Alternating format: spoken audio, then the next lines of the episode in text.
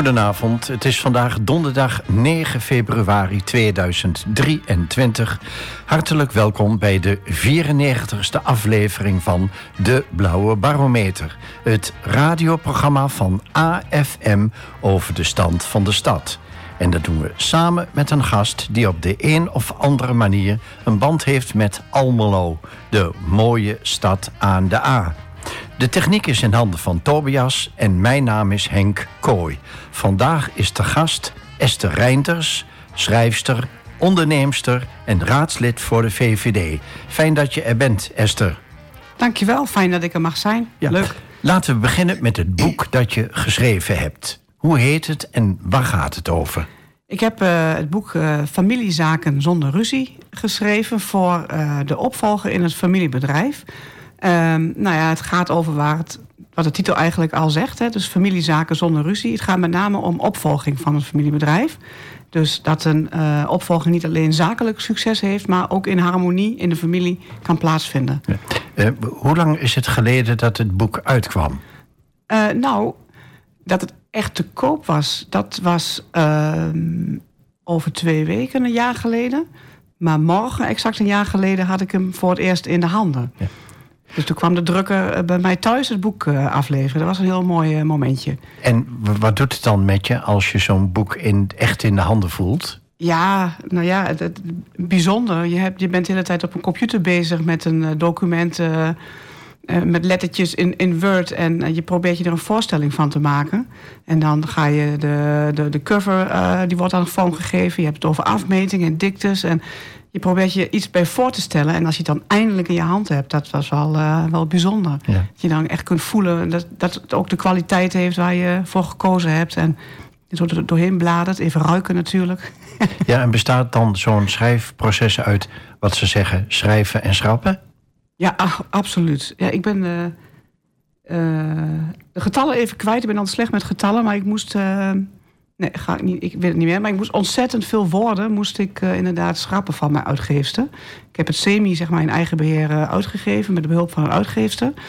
En zij zegt, ja, jouw uh, doelgroep zijn ondernemers. Er zijn geen lettervreters. Dus ja, ik moest er ontzettend veel uithalen. En dan moet je volgens mij dan heel compact schrijven. Heel compact schrijven, absoluut. Ja, ja en dan nog... Ehm, ik weet van mezelf dat ik dat redelijk wel doe... Um, ik, ik had al eens een keer eerder uh, iets geschreven. zei iemand van ja, het is te kort door de bocht, er moet meer bij.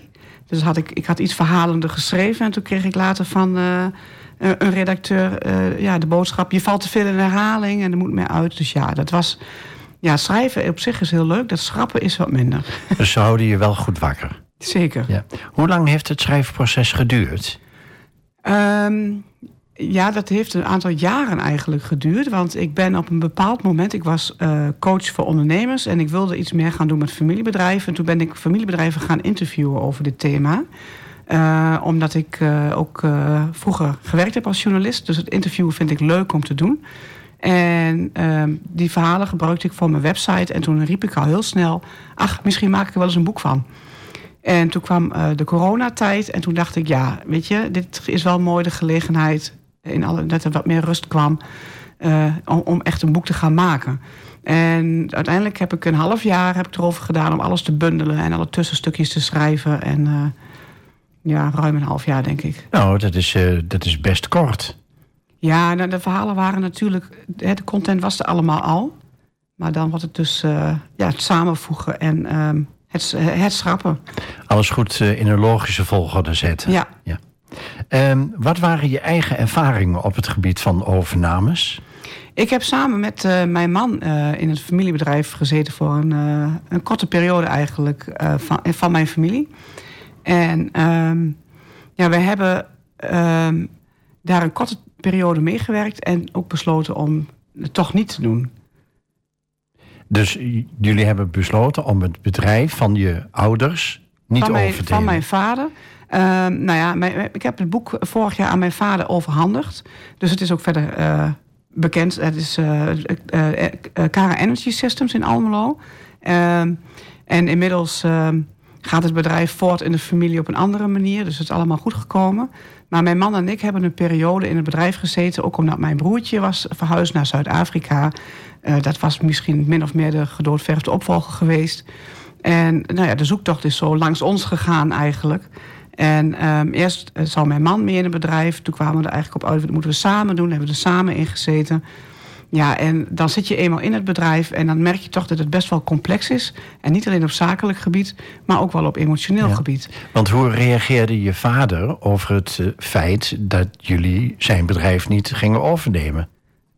Dat, uh, dat heeft hij toen gewoon geaccepteerd. En uh, wellicht uh, enigszins teleurgesteld wel. En natuurlijk ook wel met de vraag, en nu?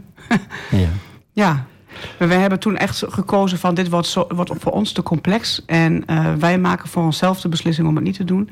We hebben voor die tijd hadden we ook al een hele carrière gehad. Dus we waren dertigers, eind dertigers.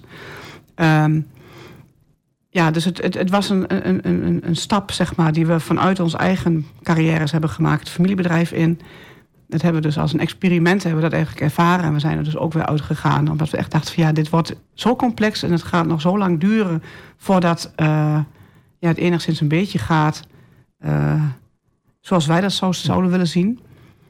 Dus we hebben ervoor gekozen om toch weer ons eigen weg te gaan. En kun je vertellen wat het schrijfproces jou heeft gebracht? Oh, um, nou, de interviews heeft mij heel veel informatie gegeven. Um, omdat ik uh, merkte dat er in coaching wat te doen is als het gaat om de opvolger. Dus in het proces van opvolging is er heel veel advies te vinden voor de overdrager. Maar er staat eigenlijk niemand naast de opvolger. Dat wilde ik gaan doen. En zodoende dacht ik, ik wil me niet alleen op mijn eigen verhaal gaan baseren, maar ik wil daar meer ervaringen over vinden. Dus dat, dat heeft mij het gebracht. En uh, ja, ik, ik vind het altijd mooi om mensen te mogen interviewen en toch een soort van portret te mogen maken. En dat geeft mij gewoon veel voldoening. Wat, wat wilde je met het boek bereiken? Um, nou, ik, ik wil verhalen verder brengen dan de keukentafel. Uh, bij familiebedrijven is het heel snel gebruikelijk om alles binnenskamers te houden. En eh, de verhalen vooral niet te delen met, eh, met anderen, ook niet met andere familiebedrijven. En dat merkte ik dus toen mijn man en ik uit het bedrijf waren gestapt. Dat je er op verjaardagen over spreekt. En dan zeggen mensen, oh ja, ik, ja dat was bij die en die. Dan komen ineens die verhaaltjes zo los. Dus ik denk, er gebeurt zoveel, maar je kan er eigenlijk niks over vinden. alles wat je leest over opvolging is heel zakelijk. Uh, maar het gaat nooit over relaties en over hoe, hoe families het samen oplossen en over hoe je met elkaar communiceert. En, en daar vond ik dat ik wat te doen had. Dus ja, de verhalen verder brengen dan de keukentafel om anderen te inspireren. En mijn eigen inzichten heb ik uh, daarmee uh, heb ik in het boek ook verwerkt. Je hebt het uh, deels in eigen beheer uitgegeven. Ja. Um, hoe is het tot nu toe ontvangen? Ja, heel goed. Ik heb vorig jaar ontzettend veel publiciteit ook gehad. Het was, vorig jaar was echt een rollercoaster.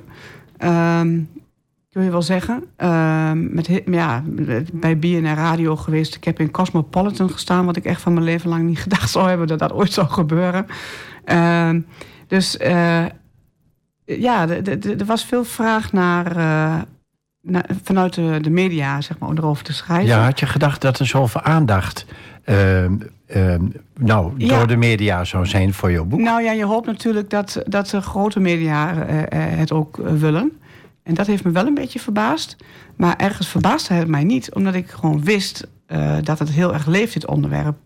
En um, ja, ik, ik hoor nu ook van, van ondernemers die het boek gelezen hebben. En ja, die, die halen er echt voorbeelden uit. En inspiratie. Dus ja, ik ben, ik ben heel blij dat het, uh, het, is goed, het, is goed, het is goed ontvangen. Na de vier stellingen wil ik het met jou hebben over je onderneming.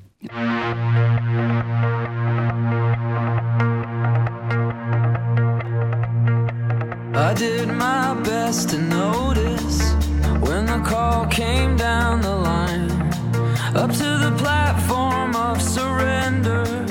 I was brought, but I was kind. And sometimes I get nervous when I see an open door. Close your eyes,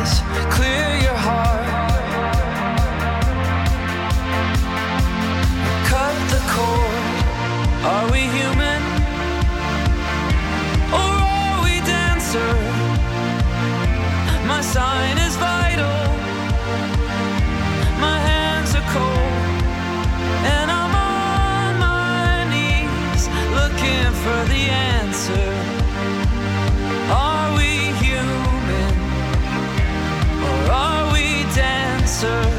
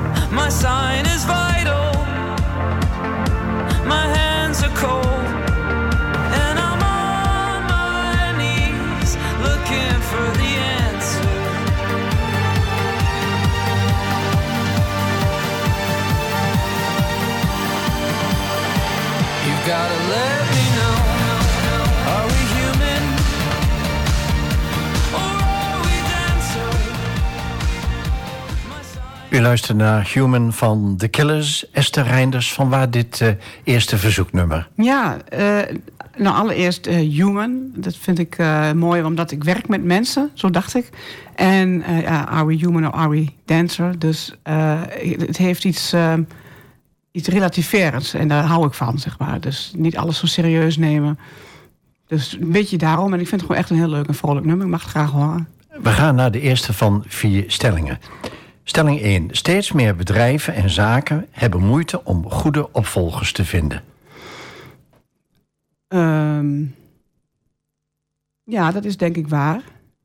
En dan wil je ook een uh, motivatie. Ja, dat, okay. uh, daar, daar, ben je helemaal vrij in natuurlijk. Hè? Nou, ik denk dat steeds meer ondernemers eerder willen stoppen met werken.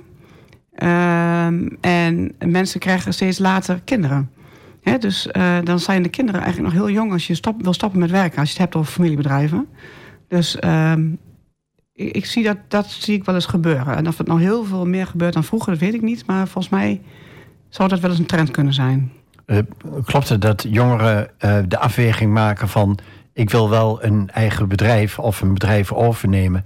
maar niet meer zoveel tijd investeren ja. als mijn ja. voorgangers hebben gedaan? Ja, ik heb daar laatst heb ik daar nog iets over geschreven in een, uh, in een blog.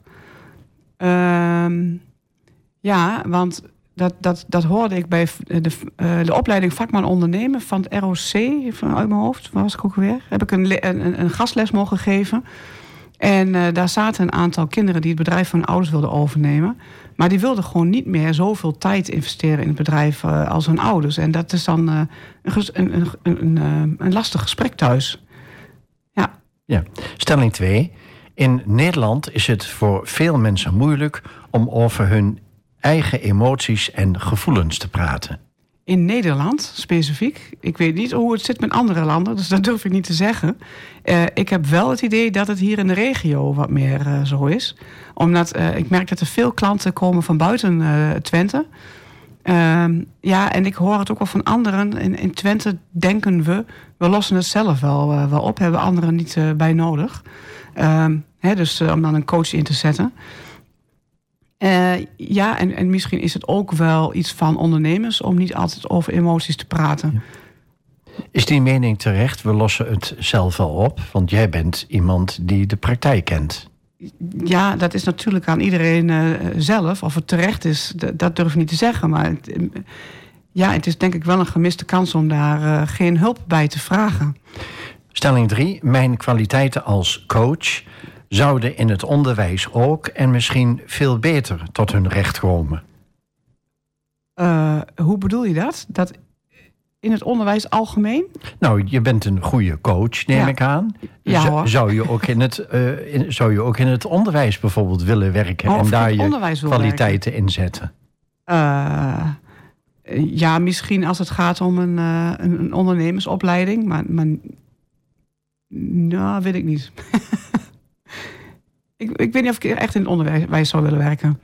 Stelling 4. Veel ondernemers beginnen te laat met het denken over een eventuele overname. Nou, dat is wel wat je veel hoort.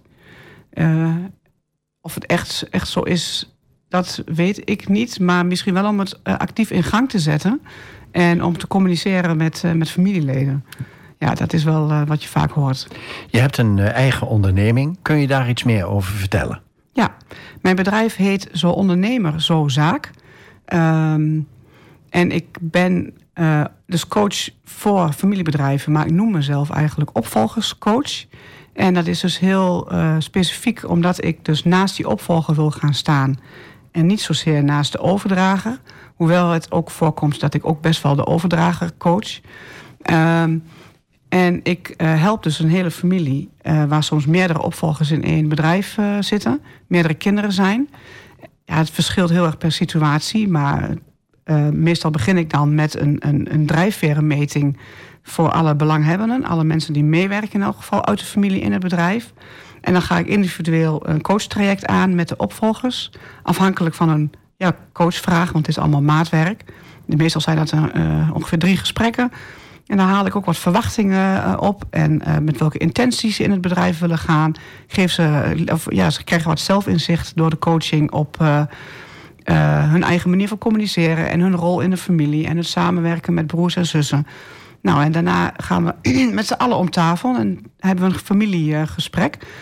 En helemaal aan het eind dan laat ik ze het uh, familieharmoniecontract uh, ondertekenen. En dat is iets wat ik zelf heb bedacht. Het heeft verder geen juridische status of zo. Maar dat is niet meer dan een intentieverklaring... dat iedereen die dat ondertekent zegt van... hoe dan ook, wat er ook gebeurt, we willen het goed houden met elkaar. Stel, ik wil mijn bedrijf laten overnemen. door familie, maar dat kan ook door niet-familie, zeg maar. Ja. Hoe kan ik jou dan vinden? Ehm, nou, we hadden het er toevallig net nog over dat ik vrij goed via Google uh, vindbaar ben. Dus als je zoekt op familiebedrijf overnemen, dan, uh, dan, dan, vind je me wel. Maar natuurlijk uh, bij www.zoondernemerzozaak.nl kun je me ook vinden. Ja. Waarom verlopen overnames soms zo moeilijk? Ehm, nou, nummer één reden van het mislukken van een overname is slechte communicatie ehm, met familieleden onderling. Uh, dus verwachtingen bijvoorbeeld niet uitspreken. Uh, ik sprak laatst ook nog een op overdrager. Uh, die had het over twee zoons. En op een gegeven moment zei hij... ja, maar ik heb, ik heb nog een zoon, maar die werkt helemaal ergens anders... en die is heel gelukkig. En ik zeg, oké. Maar heeft hij dan straks een rol in het bedrijf? Nee, dat wil hij niet. Maar toen zei ik, heb je dat ook met hem besproken? Nee, nog nooit. Nee, dat, dat weet je dat niet zeker. Kijk, en, daar en daar kan het dus misgaan. Want uh, op een gegeven moment wordt het concreet voor die andere twee zoons. En dan is er nog eentje. En dan, komt er, ja, dan kan er wat wrijving ontstaan. En, en zo kunnen er grote problemen ontstaan. Dus daar gaat het vaak mis. Uh, de nummer twee reden, want ik, ik haal het nu even aan uit een onderzoek uh, wat ik daarover gevonden heb. en ook gebruikt heb voor mijn boek. Is de slechte voorbereiding van de opvolger. En dan is er nog een heel klein percentage over dat gaat om, om slechte financiële voorbereiding. En op het juridische vlak. Dus ja, de grootste opdracht ligt ook op een stuk van communicatie. Dus praat met elkaar. Uh, welke inzichten krijgen betrokkenen uh, van jou? Uh, ja, eh, weet je, de inzichten die. Daar ben je natuurlijk zelf verantwoordelijk voor. Dus ik ben geen adviseur. Eh, maar ik, ik, ik hoop ze vooral inzicht te kunnen geven in het willen en kunnen. Het klinkt heel eenvoudig. Maar volg je je eigen hart of uh, volg je het familiehart? Hè? Dus het gaat over loyaliteit. En loyaliteit vind ik het meest complexe woord eigenlijk in het werk wat ik doe. En de feitelijke betekenis daarvan, van wat is loyaliteit, die definitie heb ik eigenlijk nog steeds niet gevonden. Want mensen zijn bereid enorme risico's te nemen vanuit loyaliteit. Dus da daar ga ik nou naar, naar, naar zoeken. En uh, ik laat ze, dus via die meting kom je ook wat meer achter wat je kan. En uh, ik ga ook kijken naar de familiedynamiek. Dus hoe verhoud je je tot je broers en zussen? En, en zijn er eigenlijk nog, nog ooms en misschien tantes? Of uh, uh, wat ook kan, dat er misschien nog ergens een overleden kindje is... die op de een of andere manier toch nog een hele grote rol speelt... omdat de ouders het misschien heel goed willen doen voor de kinderen. Uh, dus daar kijk ik ook naar. Dan ga ik echt letterlijk met blokken spelen. Zet ik ze allemaal op tafel. Dus dan kijken we naar het hele systeem. Um, ja, en in hun eigen verborgen verwachtingen. Soms hebben mensen helemaal niet door dat ze teleur, waarom ze teleurgesteld zijn. Omdat een bepaalde verwachting niet is uitgekomen. En op die manier maak je alles heel inzichtelijk. Ja, ja. ja. Zijn er alleen maar gemakkelijke coachingstrajecten? Nee, coaching is leuk, leerzaam en lastig. Oh, ja, dat allitereert mooi. Ja, precies. Ja, nou ja, nee, want coaching... Uh, ja, als het alleen maar leuk is, dan, dan gebeurt er niet genoeg. Want er moet wel iets in beweging uh, kunnen komen. Dus ja, het, het, kan heel confronterend zijn. Ja. Waar let je speciaal op tijdens een coachingstraject? Uh, oh, uh, ja, de, de, niet, dingen die niet gezegd worden. Hè, dus uh, dan let ik dus heel erg op, uh, op hoe iemand erbij zit. En op lichaam, lichaamstaal, of iemand er gesloten of open bij zit. sommige woorden die iemand zegt, mensen zeggen soms snel het woordje ja eigenlijk. -huh dan denk ik, oh, eigenlijk. dus het woordje eigenlijk zegt hij heel veel. En dan ga ik dan uh, een beetje op lopen prikken. Hoe kijken mensen terug op jouw rol als coach? Uh, ja, over het algemeen heel positief. Eigenlijk alleen maar positief. Uh, dat ze heel blij zijn dat het ze inzichten heeft gegeven... en dat de boel in beweging komt. En gek genoeg gebeurt er al heel veel... zodra mensen dus mij hebben opgebeld. Hè? Dus zodra ze de stap nemen, we gaan dit doen En dan, dan merk je gewoon, er komt er al heel veel, heel veel op gang. En alles is een kwestie van vertrouwen. Het zeker vertrouwen, dat is heel belangrijk. Dus daarom ga ik ook liefst naar mensen toe. Waar, ik ben vorige week nog in Den Helder geweest, omdat ik de mensen wil aankijken. En uh, ik wil het even, even voelen, zeg maar. En de mensen moeten ook mij leren kennen. En die vertrouwensband moet er zeker zijn. Ja. Um, straks vraag ik je alles over hoe je in de journalistiek begonnen bent. Tonight I'm gonna time.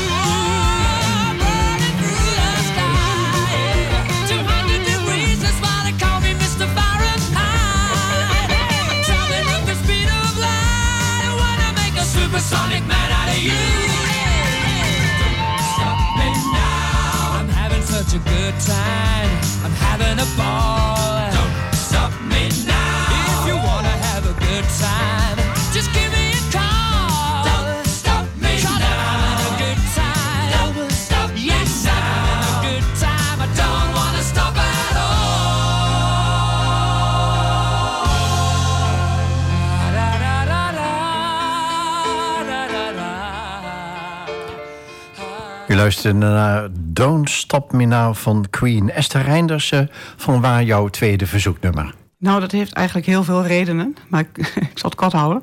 Uh, ik uh, ben een enorme Queen-fan. En ik speel Don't Stop Me Now op de piano. En ik heb dat allemaal in coronatijd weer een beetje opgehaald. Vind ik hartstikke leuk. Ja, en de titel Don't Stop Me Now. Ik kan ook soms behoorlijk uh, op dreef zijn. En uh, dan wil ik ook gewoon doorgaan. Als ik jou zo beluister, dan is die coronatijd... een hele productieve periode voor jou geweest. Wel. Ja, ja achteraf gezien, hè. Want uh, op dat moment voelt dat niet zo.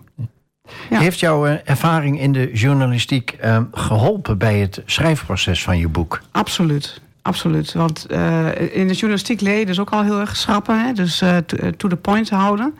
Uh, dus ik schrijf redelijk makkelijk, denk ik. Um, ja, en wat ik zei, dat ik in het begin eigenlijk te kort schreef en toen weer te lang. Dus het, het was ook wel wat ingewikkeld, maar nee, zeker. Hoe ben je in de journalistiek terechtgekomen? Eh, ja, op zoek naar wat, eh, wat ga ik eigenlijk is, is doen hè, naar, uh, met, met mijn leven. Dus uiteindelijk na wat, wat, wat omzwervingen vond ik de journalistiek wel leuk. Ehm, het was een HBO-opleiding. En daarvoor moest ik toen de tijd 21 zijn, omdat ik geen HAVO had gedaan. Dus daar heb ik echt op gewacht dat ik dat kon doen. Toen heb ik zo'n toelatingstest gedaan en toen ben ik daar terechtgekomen. Uh, maar ik schreef, daarvoor schreef ik al voor Twente Ruiten 3. Via de planthofcommunicatie, die had met. die, die, daar kwam ik toen mee in gesprek. En ik zei dat ik journalistiek leuk vond. En toen mocht ik al wat korte berichtjes schrijven voor uh, Twents Ruiten 3. En zo is het gegroeid. Toen ben ik de opleiding gaan doen. Eigenlijk nadat ik begonnen was met schrijven. Ja, en gaandeweg ben ik uiteindelijk ook bij uh, Fortumantia gaan schrijven. Maar eigenlijk, ik ben nog een tijd in dienst geweest bij de Kamer van Koophandel. Daar heb ik de Kamerkrant uh, gemaakt die naar ondernemers toe ging. En uh, daarna ben ik voor mezelf verder gegaan als freelancer. En allerlei tekstschrijfwerk opgepakt. Kortom, je hebt heel wat vlieguren gemaakt. Ja, nou ja. ja. ja. Um, op zo'n HBO-opleiding leer je dan veel of moest je veel afleren? Um, nee, ik moest niet veel afleren. Het was een, uh, een volwassenenopleiding. Het is een avonduren. Dus overdag werkte ik en s'avonds ging ik daar naartoe. En omdat ik al in de journalistiek werkzaam was, hoefde ik ook een aantal dingen niet te doen. Had ik wat vrijstelling. En ik vond het vooral heel fijn om eindelijk met iets bezig te zijn uh, waar mijn interesse lag. Dus ik ben daar eigenlijk doorheen gefietst door die opleiding. Ja. En uh, heb je ook stage moeten lopen? Uh, nou nee, je moest gewoon als journalist bepaalde teksten publiceren. Ja. Ik weet eigenlijk niet meer of ik echt nee. stage moet lopen. Dat is wel even geleden hoor. En welk facet van de, van de journalistiek vond of vind je het boeiendste? nou ja, ik ik heb ook bij de Kamer van Koophandel gewerkt. Dus uh, ja, het schrijven over de economie en, en de bedrijven, dat, dat vond ik denk ik interessant. Uh, ik heb mezelf ook wel eens een goed nieuwsjournalist genoemd. Ik was niet zo'n sensatiezoeker. Aan de andere kant had ik altijd wel iets van een fototoestelletje in de tas of een pen als er iets ergens gebeurt om er dan als eerste bij te zijn. Ik heb voor, voor, twee jaar geleden nog een foto van een uh, brandje op het lage veld uh, naar de krant gestuurd. Dus dat zit er nog wel in. Het, bl het bloed kruipt waar ja. je gaan kan. Ja. ja, of het bluswater. ja. ja. Eh, je bent ook gemeenteraadslid. Uh, maar stel, als je dat niet meer bent, dan, dan begroeten we je natuurlijk bij A-visie met, met open armen. Nou, kijk eens aan. Nou, wie weet. Ja. Nou, straks vraag ik je alles over je, het feit dat je gemeenteraadslid bent voor de VVD.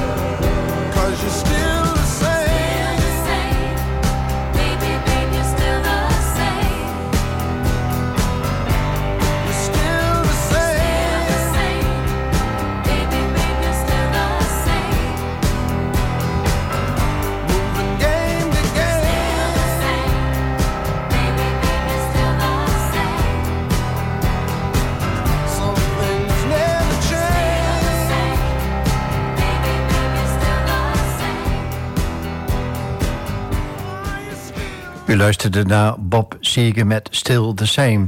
Uh, Esther Reinders, wat was je motivatie om je verkies, verkiesbaar te stellen voor de gemeenteraad van Almelo? Um, ik, wil, wilde, ik wil graag betrokken zijn uh, bij mijn leefomgeving. Ik wil graag wat doen voor de stad. Ik ben geboren en getogen Almeloze. En ja, ik zag op een gegeven moment dat de VVD mensen zocht. En toen dacht ik, nou, eh, vroeger heb ik ook wel eens gezegd... ik ga met een dag misschien nog wel eens een keer de politiek in. Dus dat was het uh, moment. En dat was al voor 2018, dus voor de vorige, vorige verkiezingen. En zo ben ik de politiek eigenlijk uh, ingerold. En ik wilde eigenlijk eerst wat meer doen in de ondersteuning. Maar al snel vroegen ze goh, wil je ook op de lijst?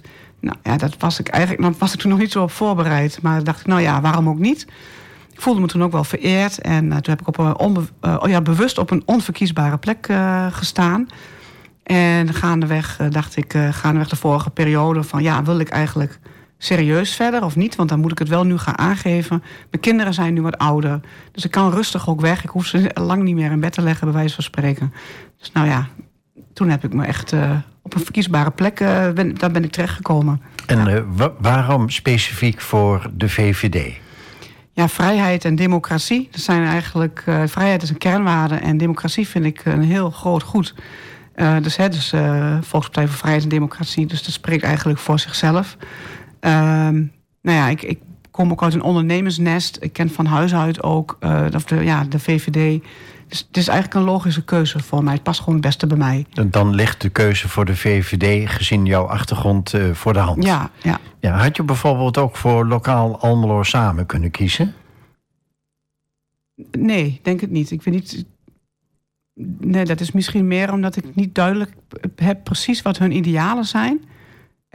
Um, en VVD vind ik ook wel fijn dat het juist wel ook een landelijke partij is. En uh, ja, dat er veel historie in zit. En bijvoorbeeld voor de Socialistische Partij? Nee, uitgesloten. Ja. Waar moest je in de gemeenteraad erg aan wennen? Uh, ja, aan de, aan de, aan de, de, de, de processen en uh, de, de procedures, de protocollen.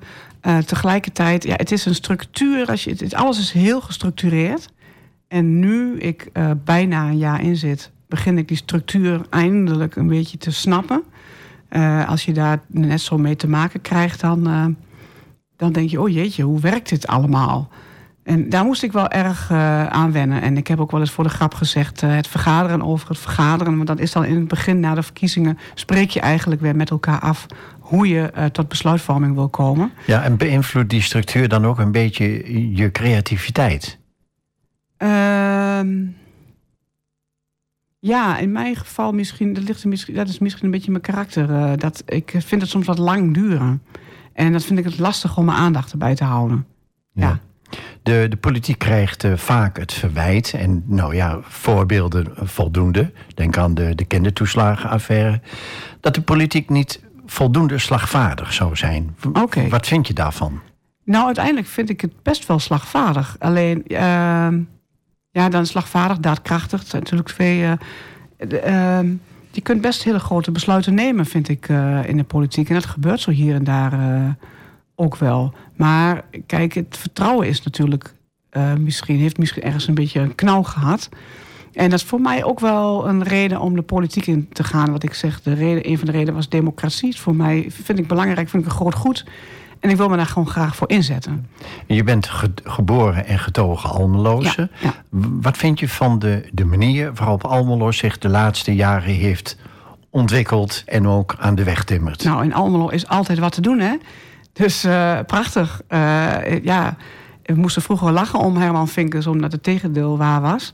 Uh, inmiddels is, het, is, is echt heel veel te doen en vind ik dat Almelo zich heel mooi ontwikkelt. En uh, wordt echt werk gemaakt van Almelo ook om, om, om, het mooier te maken en om lege plekken aan te pakken. En uh, ja, ik, ik ben daar ook echt oprecht trots op. Wat vind je een kernwaarde van Almelo? Een kernwaarde van Almelo? Ja. Oeh, uh, dat is best een moeilijke vraag. gewoon doorgaan, denk ik. Is dat een kernwaarde? Niet echt, hè? Maar... nou ja, je zou kunnen zeggen, het is een motto. Gewoon doorgaan. Gewoon doorgaan. Ja. ja. Um, mis je nog iets in Almelo? Nou ja, eigenlijk zat ik over na te denken. Maar ik, uh, ik vind dus dat Almelo zich heel goed heeft ontwikkeld. En het hoeft ook geen Amsterdam te worden. Hè, want dan ga je vergelijken met andere steden. Maar ik denk dat Almelo heeft een heel mooi eigen karakter. En dat is mooi. En uh, die, deze vraag had ik toevallig dan van tevoren ook gehad. En uh, ik zat wel te denken, ik, wat ik echt mis is een uh, sportwinkel in Almelo. Ik ben helemaal niet zo heel sportief. Maar ook mijn kinderen hebben wel eens wat nodig. Dan moet je altijd Almelo uit. Of het online bestellen. Dat is iets wat ik mis. Ja. Voor welke onderwerpen maak je je sterk als gemeenteraadslid? Um, mijn verkiezingsflyer had ik het titeltje gezegd, gezet... Uh, mens, natuur en economie in balans. Uh, dat is omdat ik graag kijk naar het grote geheel. Dat is eigenlijk ja, niet zo heel concreet. Hè? Dus je hebt niet echt een, een ding waar ik me voor inzet. Maar omgeving vind ik met name ook, uh, ook heel belangrijk. Ik vind het heel belangrijk dat Almelo leefbaar is voor iedereen. Ja. Je bent nu bijna één jaar gemeenteraadslid. Wat wil je over drie jaar pak een beet bereikt hebben in en voor Almelo? Um, ja, ook dat vind, ik een hele, dat vind ik echt een hele ingewikkelde vraag. Van wat wil je nou concreet bereikt hebben? Eh, ik wil mij vooral heel erg goed inzetten als volksvertegenwoordiger. En daar heb ik echt nog heel veel te doen en te leren. Ik wil graag heel erg bereikbaar zijn voor mensen. Uh, en ik wil eigenlijk bewijzen dat de democratie heel mooi is en, en heel goed werkt. En uh, ik wil heel graag blijven bijdragen aan dat Almelo een hele mooie en leefbare stad en een groene stad ook is. Vind je dat de gemeenteraadsleden zich in het algemeen voldoende naar buiten presenteren? Uh, nou, ik kan niet zo goed voor andere gemeenteraadsleden spreken. Ik weet wel dat het een gevaar is door om opgeslokt te worden zeg maar, door het gemeentehuis. Juist ook vanwege al die structuren die er zijn. En dat merk ik zelf ook. Ik ben echt in de eerste maanden daar heel druk mee geweest. En ik kom nu op het punt dat ik denk, ja, hoe, hoe kom ik meer naar buiten? En hoe kom ik meer in contact met de Almeloers? Want dat, dat is waar ik het voor doe. Ja, en dat kun je natuurlijk als een groeiproces zien. Ja, zo zie ik het dan ook maar. Ja. Zou je nog een keer wethouder of burgemeester willen worden? Nee, dat is niet, uh, niet direct mijn ambitie. Uh, burgemeester sowieso niet. En ik zie ook hoe uh, druk en betrokken de, de wethouders zijn. En daar ben ik ehm, Nee, dat, dat, dat, past niet helemaal bij mij. Ik ben wat dat betreft meer een, eh, een ondernemer. En je moet ook echt wel veel geduld hebben, volgens mij hoor, als uh, wethouder. Straks vraag ik je over de, uh, de weg die je persoonlijk in het leven tot nu toe hebt, uh, hebt afgelegd.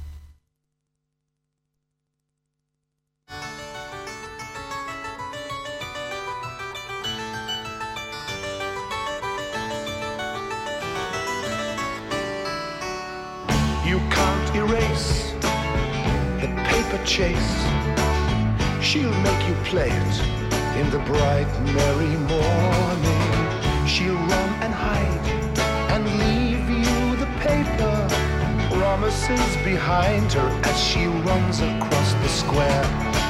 You can't win the race, she'll set the pace. You'll hear her laughing just behind the foolish fences.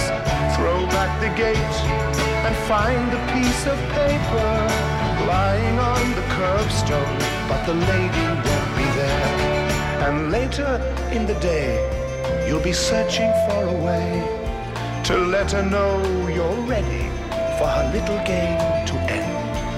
Cause it's getting dark and then you'll see her face, a glimpse of lace, and you'll go running through the last sweet dying daydreams, calling her name. But she's been home an hour, laughing at the mirror as she combs her paper hair. And later in the day, you'll be searching for a way to let her know you're ready for her little game to end. Cause it's getting dark and then you'll see her face, a glimpse of lace, and you'll go running through the last sweet dying daydreams, calling her name. But she's been home an hour, laughing at the mirror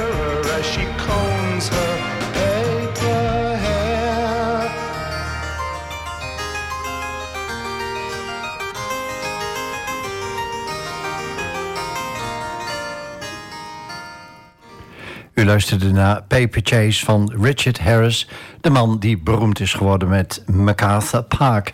Uh, Esther Reinders, in een ver verleden mocht ik jou uh, Engels geven Ja. op de middelbare school. De knisjes. Hoe, hoe kijk je daarop terug? Tussen twee haakjes? Ja, eh, goed. Ik was eh, echt eh, in de puberteit toen, eh, denk ik. dus het was, eh, was een mooie tijd. En eh, de, de, de Engelse les eh, was ook eh, prettig, kan ik me herinneren. Ik heb volgens mij u niet eh, vier jaar lang gehad. Maar ehm, ja, dat lag, daar lag niet echt een, een druk op. Zoals je dat bij andere vakken soms wel eh, kunt, eh, kunt voelen. Maar ja, de knisjes, leuke tijd. Ja. En een belangrijke tijd natuurlijk. Absoluut. ja. Je hebt de nodige obstakels in je leven overwonnen. Kun je daar iets over vertellen? Ehm, jeetje.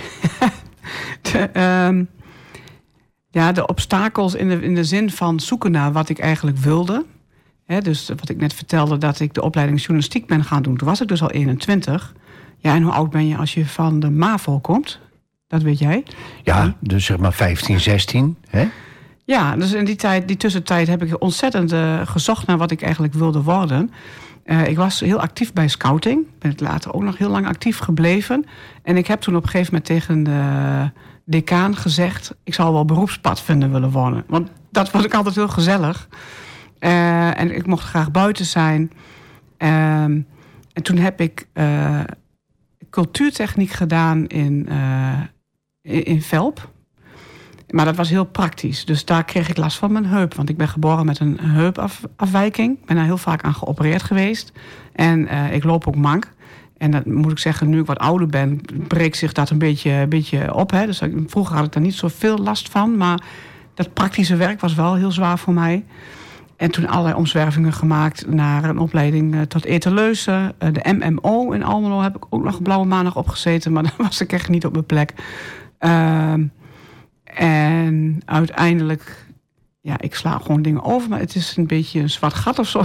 Lang geleden, die periode. Ja, en hoe kijk je terug op die weg die je tot nu toe hebt afgelegd? Nou, het heeft me geen windeieren gelegd, uiteindelijk. Eh, ik denk dat ik heel veel ervaring kan bundelen, in, ook in het werk wat ik nu doe.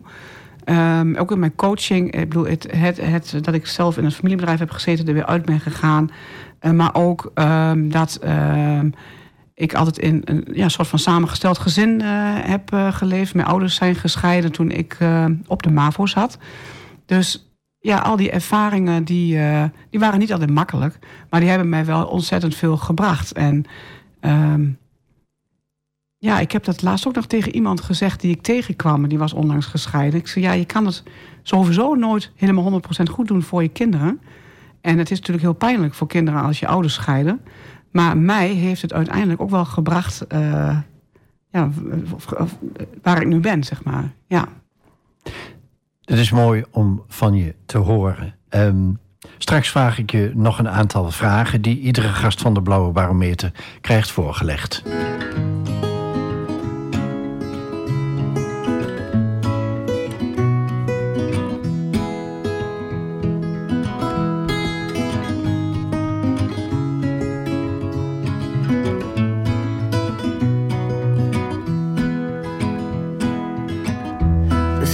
First day of my life. Swear I was born right in the doorway. I went out in the rain, suddenly everything changed. They're spreading blankets on the beach. Yours is the first face that I saw. I think I was blind before I met you. And I don't know where I am, I don't know where I've been, but I know where I want to go. And so I thought I'd let you know. Yeah, these things take forever, I especially am slow. But I realized that I need you, and I wondered if I could come home.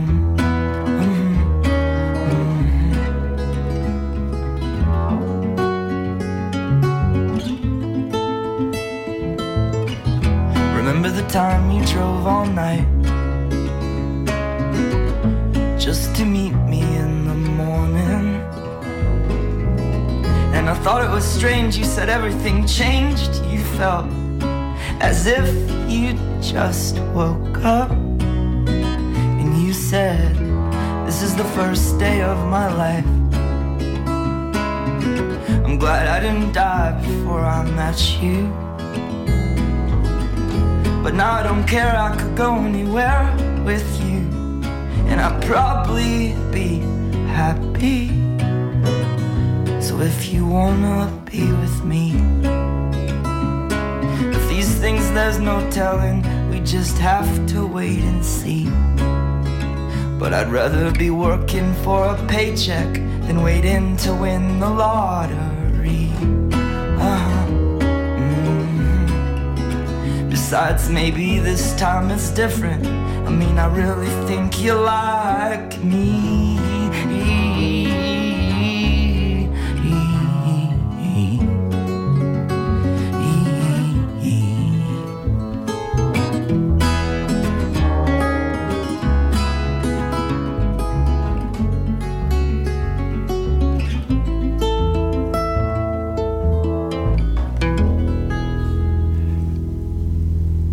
Luisterde naar First Day of My Life van Bright Eyes. Um, Esther Reinders, uh, gemeenteraadslid, schrijfster en onderneemster. Kun je je nog herinneren waar je als 16-jarige van droomde? Of wat sluimerende idealen waren? Uh, poeh. Ehm. Ik, volgens mij was ik er toen niet zo heel erg mee bezig, als ik eerlijk ben. Een beetje druk met de waan van de dag. Dus waar ik van droomde. Ik, ik weet wel dat ik altijd heel erg onafhankelijk wilde zijn. En dat ben ik nu ook. Dus heel erg op zoek naar vrijheid. En uh, nou ja, goed, hè, dus wat ik net al zei, is een kernwaarde van mij. En uh, dat ben ik in mijn puberteit, want we hebben het dan natuurlijk over, behoorlijk naar uh, op zoek geweest. En dat heb ik toen ook voor een deel, nou belangrijk deel gevonden bij scouting. Ik was vrij actief bij scouting De Tubanten in Almelo aan de Delderse straat. Helaas bestaat het niet meer. Echt heel erg zonde. Met pijn in mijn hart zeg maar, is dat gestopt. Um, maar mijn, heel veel vrienden die ik nu heb, die, die komen echt nog uit die, uit die periode. We hebben gewoon heel veel gekke dingen met elkaar gedaan. Dus op, op expeditie geweest naar het buitenland, naar Tsjechoslowakije.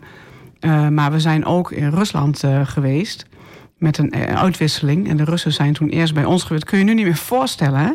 Echt, het is eigenlijk heel idioot. Als ik dat nu zo vertel, realiseer ik me dat ineens... dat dat gewoon nooit meer gaat gebeuren waarschijnlijk.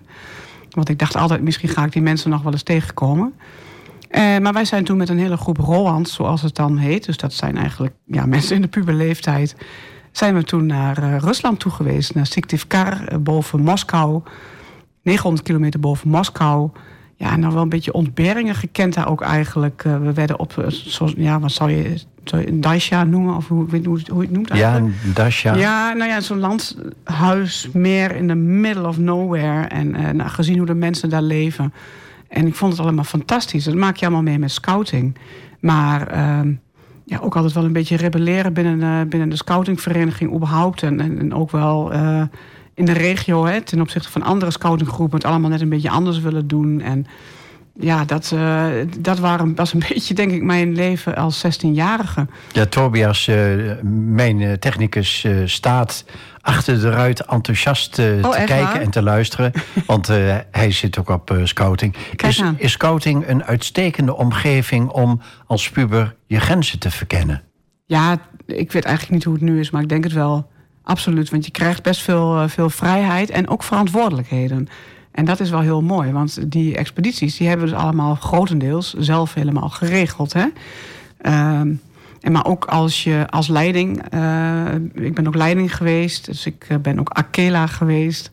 Dus dat, daar was ik ook vrij jong en daar leer je gewoon ontzettend veel van. Ja, en de programma's als Roland moesten we ook zelf maken. Dus als je dan, de Horst heette dan het clubgebouw van ons, als je daar kwam, en niemand had wat geregeld. Ja, dan zat je elkaar aan te kijken. Wat gaan we doen dan? Dus uh, ja, nee, je leerde daar wel, wel veel van. Ja. Sommige werkgevers kijken daarna hè? of scouting op je cv staat. Nou, het, het, het, het, heeft altijd wel een positieve uitwerking gehad. Maar het kan ook soms wel een, een negatief imago hebben. Dat vind ik altijd heel erg zonde. Dat is puur een imago. Ik denk, ja, als je erbij bent geweest, dan, dan zie je het toch anders. Hoe kijk je terug op die periode bij scouting? Uh, nou, het was voor mij levensbepalend, denk ik zelfs. Ik bedoel, heel veel vrienden uh, komen daar dus vandaan. Ik heb heel veel uh, ja, dingen voor het eerst gedaan bij scouting. Dus ook naar een autoverhuurder bellen, kan ik me nog herinneren. Ik had, toch, heb ik altijd nog wel een beetje...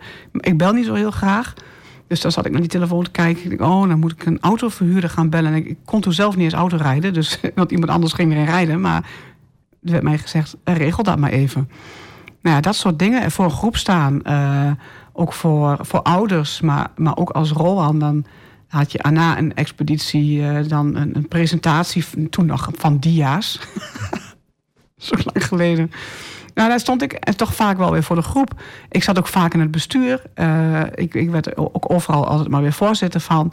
Dus ja, dat, dat heeft mij ontzettend veel, uh, veel gebracht. En heel veel feest ook trouwens. Ontzettend veel feestjes gehad. Hebben je eigen kinderen ook op scouting gezeten? Ja, mijn oudste heeft ook nog bij de Tubanten gezeten. Maar die vond er niet zoveel aan. Die vond het te ruig allemaal. En de jongste daarentegen die vindt het fantastisch. En die zit nou bij de John F. Kennedy dus daar zitten wel eens uh, grapjes over te maken van... ja, je hebt toch wel een ander kleurtje das om nu. Dus wel ingewikkeld voor een tubant, weet je wel.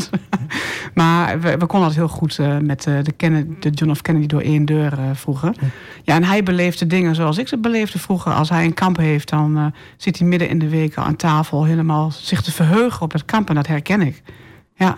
Wat kun je de, de ouders van tegenwoordig vertellen over scouting? De ouders van tegenwoordig. Uh, nou, ik denk als je je kind achter je computer weg wil hebben, dan uh, is scouting een geweldige oplossing. Want uh, mijn kind, die mag volgens mij niet eens een telefoon mee. En als hij maar wel mee zou nemen, zou hij er niet op kijken, volgens mij. Um, hij heeft met bepakking 40 kilometer gelopen afgelopen jaar. Toen was hij net 12 jaar. Was hadden per ongeluk ook de verkeerde route gelopen. Maar ik was zo onwijs trots. Ik denk, ik wist niet eens dat je dat, je dat kon, ja. Dus, maar dat, uh, dat leer je bij scouting. Je bent met vrienden, uh, je wil niet onderdoen voor elkaar, je hebt lol met elkaar. En ondertussen is het een gigantische fysieke uitdaging wat je daar even doet. Maar je leert je ook redden met hele minimale middelen. Hè. Dus we gaan met een paar euro naar de winkel om een maaltijd te bereiden. En dan moeten ze met elkaar uitzien te komen. Nou, waar, waar krijg je dat nog? Dus uh, ja, ik zou zeggen, doe je kind op scouting. Je verhaal is helder. En we vragen iedere gast ook wat ze zouden doen... of wat ze aan of in of aan de wereld zouden veranderen als ze een toverstokje zouden hebben? Um, jeetje, ja. Ik denk dat. Uh, dat vind ik best wel een moeilijke vraag. Ik heb hier wel een beetje over nagedacht. Maar wat ik zou willen veranderen. Nou, ik, ik denk dat als iedereen, um, ook, ook grote leiders, hè, iets meer zelfreflectie zouden hebben naar zichzelf zouden kijken, eh, aan persoonlijke ontwikkeling zouden doen, dan denk ik dat er wat minder ellende zou zijn uh, in de wereld. Dat zou ik wel willen veranderen. Wat is tot slot jouw woord voor de wereld? Wat wil je sowieso kwijt nu, omdat je er vol van bent of omdat je gewoon vindt dat iedereen dat moet weten? Nou ja, eh, wat ik zeg, die persoonlijke ontwikkeling. Ontwikkel jezelf, kijk naar jezelf, reflecteer op jezelf en leer jezelf kennen. Voor jezelf en voor de ander. Ja. Wat vind je de grootste deugd van mensen? Oeh, uh, dat vind ik een hele moeilijke. Die bewaren we tot de volgende keer. Esther dus heel hartelijk dat je te gast wilde zijn in de Blauwe Barometer. Dankjewel. Ik vond het erg leuk om hier te mogen zijn en het uur is echt voorbij gevlogen. Dankjewel. Daarmee zijn we aan het einde gekomen van de 94ste aflevering van de Blauwe Barometer. Aankomende zondag om 12 uur wordt het programma herhaald en op afm.nl vind je onder programma's alle info. Ik bedank Tobias voor de techniek. Een fijne avond en tot volgende week. Meteen hierna om 9 uur komt het programma Soultime en om 10 uur de draaideur met non-stop muziek. Tot donderdag 16 februari. Tot dan.